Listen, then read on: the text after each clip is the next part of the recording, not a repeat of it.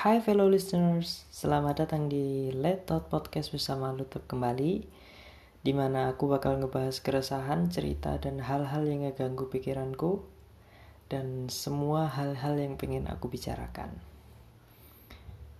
Perlu digarisbawahi, semua yang ada di sini adalah cerita dan opini pribadi Jadi pasti akan subjektif sekali Walaupun terkadang mungkin bisa jadi objektif. Uh, boleh setuju, boleh nggak setuju. Yang penting jadi seru. Kali ini aku pengen ngebahas sesuatu tentang intinya renungan akhir tahun lah ya. Sekarang tanggal 30 Desember 2020 aku ngerekam ini mungkin bakalan diupload besok tanggal 31 Desember. Uh, kalau kita lihat tahun 2020 ini ya karena kejadian yang tidak kita duga semuanya kita sama sekali nggak nyangka bakalan sering berada di rumah bakalan semua rencana-rencana yang kita rencanain bakal tidak berjalan seperti yang kita rencanakan. Dan yang pasti rasanya tahun 2020 ini kerasa singkat banget. Kalau kata Einstein di teori relativitas mungkin uh, waktu itu salah satu yang bisa jadi relatif ya. Relatif itu maksudnya kita kalau kita kadang kita ngejalaninnya dengan senang hati gitu waktunya itu jadi kerasa lebih cepat daripada kita ketika ngejalanin sesuatunya itu dengan uh, nggak suka lah pokoknya kita nggak seneng gitu. Nah tapi yang beda dari tahun ini adalah mungkin beberapa dari kita nggak ngelakuinnya dengan senang hati tapi karena mungkin apa ya uh, di hari-hari itu apa yang kita lakukan itu terlalu monoton dan sedikit gitu jadinya harinya berjalannya jadi terasa lebih cepat. Aku nggak tahu uh, orang lain gimana, tapi setidaknya itu yang aku, itu yang aku dan beberapa orang lain yang pernah cerita ke aku rasain. Uh, di tahun ini juga aku kehilangan beberapa rencana yang harusnya bisa aku lakukan karena harusnya rencana-rencana tersebut itu dilakukan istilahnya dengan berkumpul bersama orang lain gitu ya. Dan ngelakuin hal-hal yang harusnya dilakukan bareng orang lain tapi karena keadaannya kayak gini jadi ya akhirnya semuanya di terpaksa ditunda uh, tahun ini juga jadi tahun yang lumayan berat karena pasti banyak orang-orang yang tersayang di sekitar kita yang entah uh, kena penyakit atau ada yang bahkan nggak bisa diselamatkan sampai akhirnya harus pergi ninggalin kita semua dan ya walaupun masalah seperti itu itu nggak ada orang yang bisa nebak ya kapan akan datang. Tapi rasanya kalau keadaannya kayak gini itu sesuatu yang udah berat bakal menjadi lebih berat gitu. Uh, apalagi ya? Banyak yang bilang kalau tahun 2020 ini resolusinya sama sekali nggak bisa berjalan dengan baik. mungkin karena di awal tahun kita bersemangat sekali ya karena tahun 2019 itu udah mulai kerasa rasanya rada berantakan juga bagi beberapa orang terus berharap tahun 2020 ini bakal jadi tahun yang menyenangkan dan banyak rencana-rencana yang bakal bisa dilakukan. Tapi ternyata setelah waktu berjalan tidak bisa dilakukan. Karena di awal tahun itu awal tahun 2020 itu kita nggak nyangka ya uh, di Januari itu kan kayak nggak nggak ada sesuatu yang bisa bikin kita uh, wah ini bakalan jadi tahun yang buruk gitu bagi sebagian orang. Walaupun di tahun 2019 sebelumnya udah ada tanda-tanda kalau yang di Cina itu bakalan jadi sesuatu yang besar tapi semua masih pede-pede aja bahkan yang dari yang di Indonesia juga kayak gitu tapi ternyata ya mulai bulan apa ya mulai bulan Maret kayaknya Maret atau April semuanya jadi berubah. Aku sendiri sebenarnya ada banyak rencana yang pengen aku lakuin di tahun ini. Tapi ya akhirnya nggak semuanya atau bahkan semuanya nggak berjalan dengan baik. Uh, tapi aku ingat kata-katanya Panji Pragiwaksono di salah satu caption Instagramnya kalau nggak salah waktu itu dia ditanya sama uh, penggemarnya kalau uh, sesuatu yang kita rencanakan nggak berjalan dengan baik kita harus gimana? Terus dijawab sama Panji kalau kalau sesuatu yang kita rencanakan tidak berjalan dengan baik ya kita perbaiki atau kita kita rapihkan lagi lah istilahnya. Jadi sesuatu yang berantakan misalnya wah rencana kita berantakan nih. Harusnya kayak gini-gini ternyata nggak berjalan dan semuanya jadi berantakan.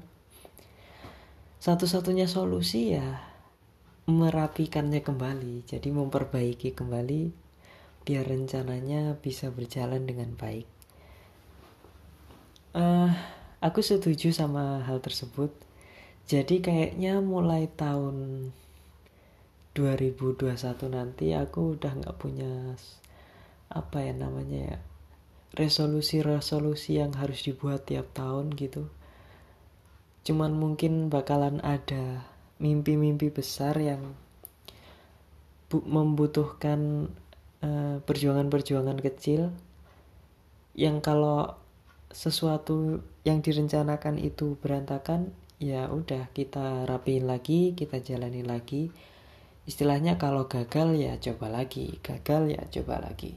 Kalau misalnya udah gagal berkali-kali uh, pilihannya ada dua. Berhenti dan mencoba jalan lain atau uh, berhenti sejenak terus introspeksi terus ulangi lagi. Kayaknya di tahun 2021 nanti aku bakal ngelakuin hal tersebut. Jadi walaupun semuanya nggak berjalan dengan baik, uh, aku masih punya sesuatu yang paling nggak aku punya semangat buat ngejalanin atau ngerapihin sesuatu tersebut biar pada akhirnya mau gagal mau berhasil akhirnya nanti semuanya bakal jadi baik. Uh, ya walaupun aku sendiri bukan bukan orang yang terlalu memuja hasil ya. Jadi aku nggak begitu peduli sama hasil entah dalam bentuk apa pun ya nilai ataupun kalau misalnya dalam kehidupan ya mungkin prestasi-prestasi gitu. Karena uh, menurutku nggak ada gunanya prestasi-prestasi atau capaian-capaian yang kita lakukan itu kalau kita nggak ngerasain prosesnya nggak ngerasain jalannya gitu. Kesannya kalau misalnya kayak kita main game misalnya kita main game yang harusnya kita di setiap jalan ngejalanin misi sesuai dengan apa yang diperintahin tapi kita malah ngecit atau main curang. E, ketika pencapaiannya nanti berhasil kita capai itu rasanya nggak akan semenarik kalau kita ngejalaninnya dari awal itu dengan penuh perjuangan. Jadi kayaknya bagiku proses itu lebih penting daripada hasilnya. Jadi ya mau hasilnya kayak gimana pun sebenarnya yang paling penting itu prosesnya kalau menurutku. Uh, walaupun tahun 2020 itu kesannya berat sekali ya. Uh, baru tahun ini baru tahun 2020 ini seumur hidupku aku dua kali sholat id hari raya idul fitri dan idul adha di rumah. Bener-bener di rumah nggak ada sholat id di lapangan nggak ada uh, bertamu ke tetangga nggak ada mudik lebaran dua-duanya nggak nyembelih kurban. Ya walaupun tetap berkurban tapi nggak nggak nyembelih sendiri. Kayak tahun kemarinnya nggak nggak ada rasa menarik waktu ngejalanin Idul Adha waktu hari kurban. Padahal biasanya uh, habis sholat id itu langsung menuju ke tempat pemotongannya langsung siap-siap ngasahin pisau dan lain sebagainya terus ikut nyembelih ikut uh, bantu ngulitin motongin daging dan lain sebagainya. Walaupun uh, tahun kemarin tahun 2019 itu aku dalam hatiku mikir kalau ah pokoknya tahun 2020 tahun depan aku harus uh, lebih banyak ngebantu waktu Idul Adha. Karena sebenarnya bukan masalah ngebantunya sih tapi entah kenapa menyenangkan aja gitu menyenangkan ikut ikut ngulitin ikut nanu uh, motongin daging. Uh, karena itu kan hal yang nggak biasa kita lakuin ya. Jadi excited aja gitu ngelakuinnya. Ya tahun ini nggak bisa juga. Walaupun tapi walaupun tahun ini uh, banyak hal buruk terjadi kayaknya eh, nggak adil juga kalau misalnya hal-hal baik yang terjadi di tahun ini nggak ikut kita ingat-ingat atau kita bahas gitu. Paling enggak kita bersyukurlah kita udah bisa ngelewatin 2020 yang berat ini walaupun keadaannya kayak gini pun gitu. Uh, kita jadi tahu gimana caranya ngehadapin sesuatu. Banyak orang-orang termasuk aku yang uh, se sebelumnya mungkin nggak mikir bakal ada kayak gini gitu. Bakal ada hal-hal yang sama sekali nggak terfikirkan gitu. Tapi setelah dilakukan ternyata bisa juga. Ya walaupun pakai uh, berdarah-darah juga. Beberapa beberapa hal yang jadi rencana kayak misalnya uh, mulai cari uang sendiri dengan keadaan yang kayak gini juga jadi lebih berat. Uh, hasilnya nggak sesuai dengan yang direncanakan dan lain sebagainya tapi tetap ada hal-hal baik yang terjadi di tahun ini. Salah satunya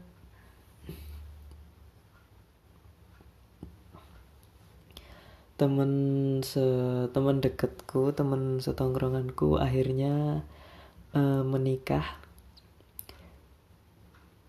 Resmi menikah uh, yang dicatat oleh negara nggak nggak nikah nikahan gitu maksudnya. Uh, yang pertama banget di circleku gitu waktu ngehadirin akadnya itu ternyata rasanya apa ya surreal gitu kayak ya iki ini ini temen tongkronganku yang biasanya ketawa-ketawa sekarang udah berani bertanggung jawab jadi uh, imam keluarga pemimpin keluarga yang nggak cuma bakalan uh, bertanggung jawab atas istrinya tapi juga nanti bakalan bertanggung jawab atas anak-anaknya. Aku sendiri sama sekali nggak kepikiran buat ngelakuin hal itu dalam waktu dekat ini ya. Karena ya aku sadar sadar diriku sendiri sih sebenarnya. Karena ya semua yang dilakuin itu bakalan penuh tanggung jawab dan kayaknya aku sendiri belum siap gitu. Tapi aku uh, berbahagia atas apa yang telah dilakuin sama temenku jadi salah satu capaian juga sebenarnya berani mengambil langkah buat bertanggung jawab untuk hal yang lebih besar gitu. Di mana orang-orang di seumurannya mungkin masih masih belum berani melakukan hal tersebut. Terus apalagi ya salah satu yang jadi uh, highlight di tahun ini juga itu gara-gara adanya pandemi covid ini covid-19 aku karena orangnya gampang penasaran ya. Pokoknya harus tahu lah pokoknya. Aku berusaha tahu apa yang kita lewatin sekarang apa yang sedang kita alami sekarang gitu. Aku sampai uh, ikutan baca-baca jurnal tentang kesehatan terus ikut webinar tentang covid dan lain sebagainya terus jadi belajar gimana uh, gimana cara kerja virusnya ini terus gimana cara ngehindarinnya terus ngerti uh, macem-macem tes kayak rapid test antigen, rapid test antibody, terus PCR sebagai gold standarnya dan kenapa kok nggak kenapa kok pakai rapid test antibody itu nggak efektif buat uh, screening dan lain sebagainya. Aku benar-benar berusaha pengen berusaha tahu biar ya paling nggak kita nggak buta-buta banget gitu tentang uh, pandemi yang kita lewatin saat ini. Dan mm, yang paling penting sebenarnya supaya nggak mudah kita nggak mudah nerima hoax-hoax yang banyak tersebar ya. Karena di masa-masa kayak gini tuh pasti banyak banget yang namanya berita palsu uh, entah itu yang cuma memanfaatkan klik untuk meraih keuntungan di masa sulit ini ada juga yang emang mau menebar ketakutan gitu biar sesuatunya itu terlihat sangat buruk sekali atau mungkin sebaliknya. Jadi karena adanya berita tersebut berita yang hoax tersebut jadi meremehkan gitu. Uh, either way dua-duanya adalah sesuatu yang nggak baik sebenarnya kan. Karena ya yang namanya penyakit dan lain sebagainya itu ya emang harus kita tahu benar-benar gitu. Nggak nggak apa ya istilahnya ya nggak meremehkan juga tapi nggak terlalu parno sama apa yang terjadi gitu. Jadi setidaknya aman dari yang namanya berita-berita bohong apalagi yang tersebar di grup-grup WA keluarga biasanya atau grup-grup WA perumahan grup-grup WA komplek itu biasanya yang banyak yang nyebarin hal-hal yang uh, salah gitu. Jadi paling enggak uh, di keluarga aku ada satu yang ngerti gitu. Ya walaupun aku juga nggak nggak bakal sengerti orang yang udah ahli gitu. Paling enggak ya sedikit sedikit tau lah. Terus kemudian uh, untungnya aku ada di rumah juga selama pandemi ini. Jadi lebih banyak waktu buat mikir sesuatu. Jadi lebih banyak waktu buat ngerencanain sesuatu. Uh, latihan bikin konsep dan lain sebagainya. Terus latihan sebenarnya banyak banyak hal yang aku latih cuma kayaknya belum semuanya jadi 100% bagus di akhir tahun ini. Ya namanya namanya proses itu pasti butuh waktu ya. Setahun dua tahun. Kalau kita nggak menyerah ngelakuinnya mungkin suatu saat nanti kita bakal uh, ngambil hasilnya gitu. Tapi kadang aku sendiri ngerasa kalau misalnya karena sebenarnya aku itu orangnya gampang lumayan gampang bosen ya. Jadi aku nggak bisa ngelakuin hal-hal yang sedang aku latih itu terus menerus secara rutin itu nggak bisa. Jadi kalau misalnya aku punya satu subjek aja untuk aku pelajari secara rutin itu pasti lama-lama males dan akhirnya nggak ke mana-mana. Jadi akhirnya aku memutuskan buat ambil beberapa subjek yang aku sukain dan aku latih gantian. Misalnya subjek pertama aku latih terus aku ngerasa bosen aku berhenti terus aku uh, latihan subjek yang kedua. Terus kalau aku bosen aku bakalan latihan subjek yang ketiga. Kalau aku bosen lagi aku bakalan latihan subjek yang keempat. Terus nanti kalau aku bosen lagi aku bakal ngulangin latihan subjek yang pertama gitu. Terus sampai nanti akhirnya semuanya bisa mungkin hal-hal kayak gitu bakalan memakan waktu lebih lama ya karena banyak hal yang dipelajari dalam satu waktu tapi karena nggak terlalu terfokus jadinya semuanya perlu pelan-pelan dan waktu yang dihabiskan akan lebih lama. Karena nggak bisa kalau misalnya dalam satu tahun itu seharusnya kita bisa uh, ngelatih satu skill atau satu subjek yang mau kita pelajarin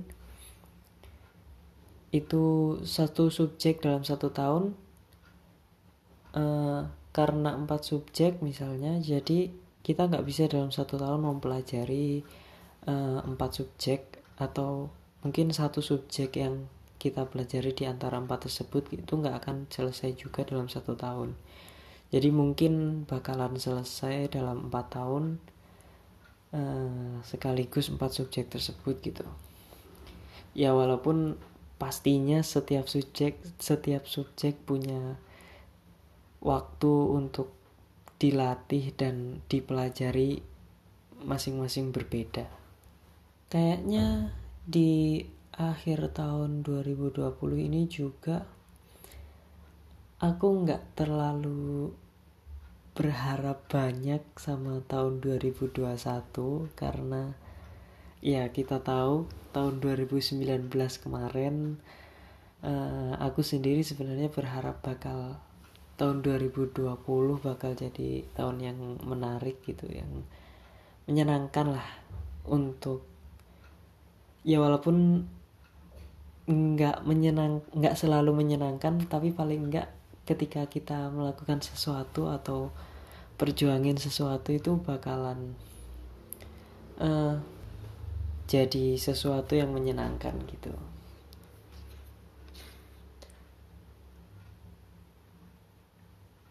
Uh, kayaknya ada satu lagi yang buat tahun ini jadi tahun yang lumayan berat ya. Karena uh, kemarin aku sempet ngehabisin satu bulan penuh buat fokus uh, bahasa bahasa kerennya apa ya? Fokus mengalihkan perhatianku terhadap sesuatu yang ternyata tidak berjalan dengan baik dan ternyata itu butuh waktu yang lumayan lama akhirnya ya walaupun akhirnya semuanya bisa walaupun semuanya bisa akhirnya bisa terlewati juga gitu. Aku bersyukur juga sih karena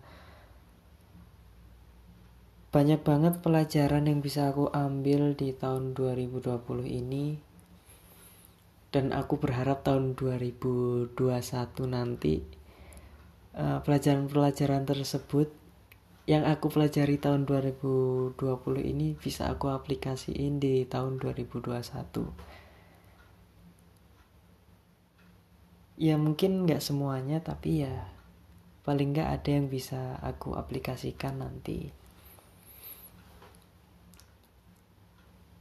Uh, Aku sendiri nggak banyak berharap tahun 2021 bakal jadi tahun yang menyenangkan kayak harapanku tahun 2019 terhadap tahun 2020. Aku cuma berharap tahun 2021 uh, aku dan semua orang-orang terdekatku bisa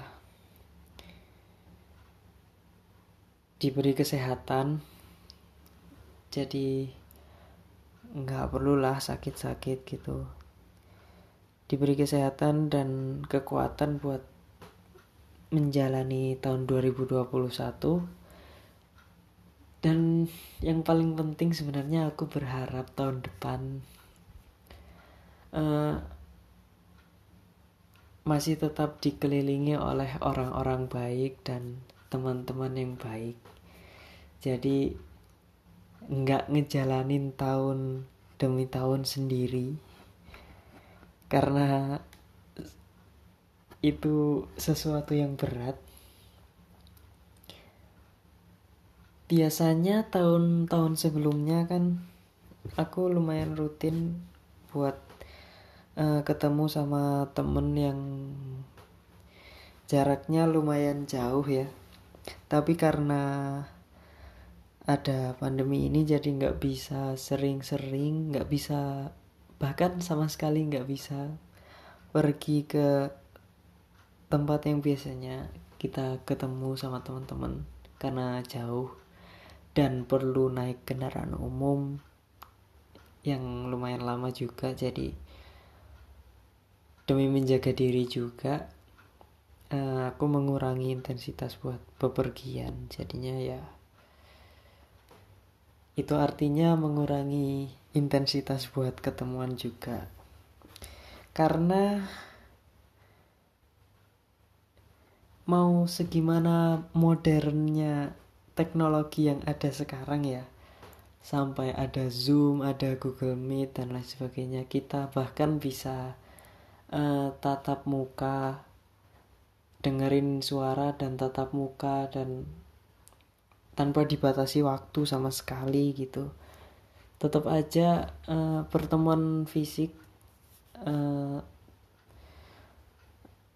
nongkrong dan ngobrol itu benar-benar sesuatu yang nggak bisa digantikan sih. Jadi ya tetap kerasa ada yang kurang.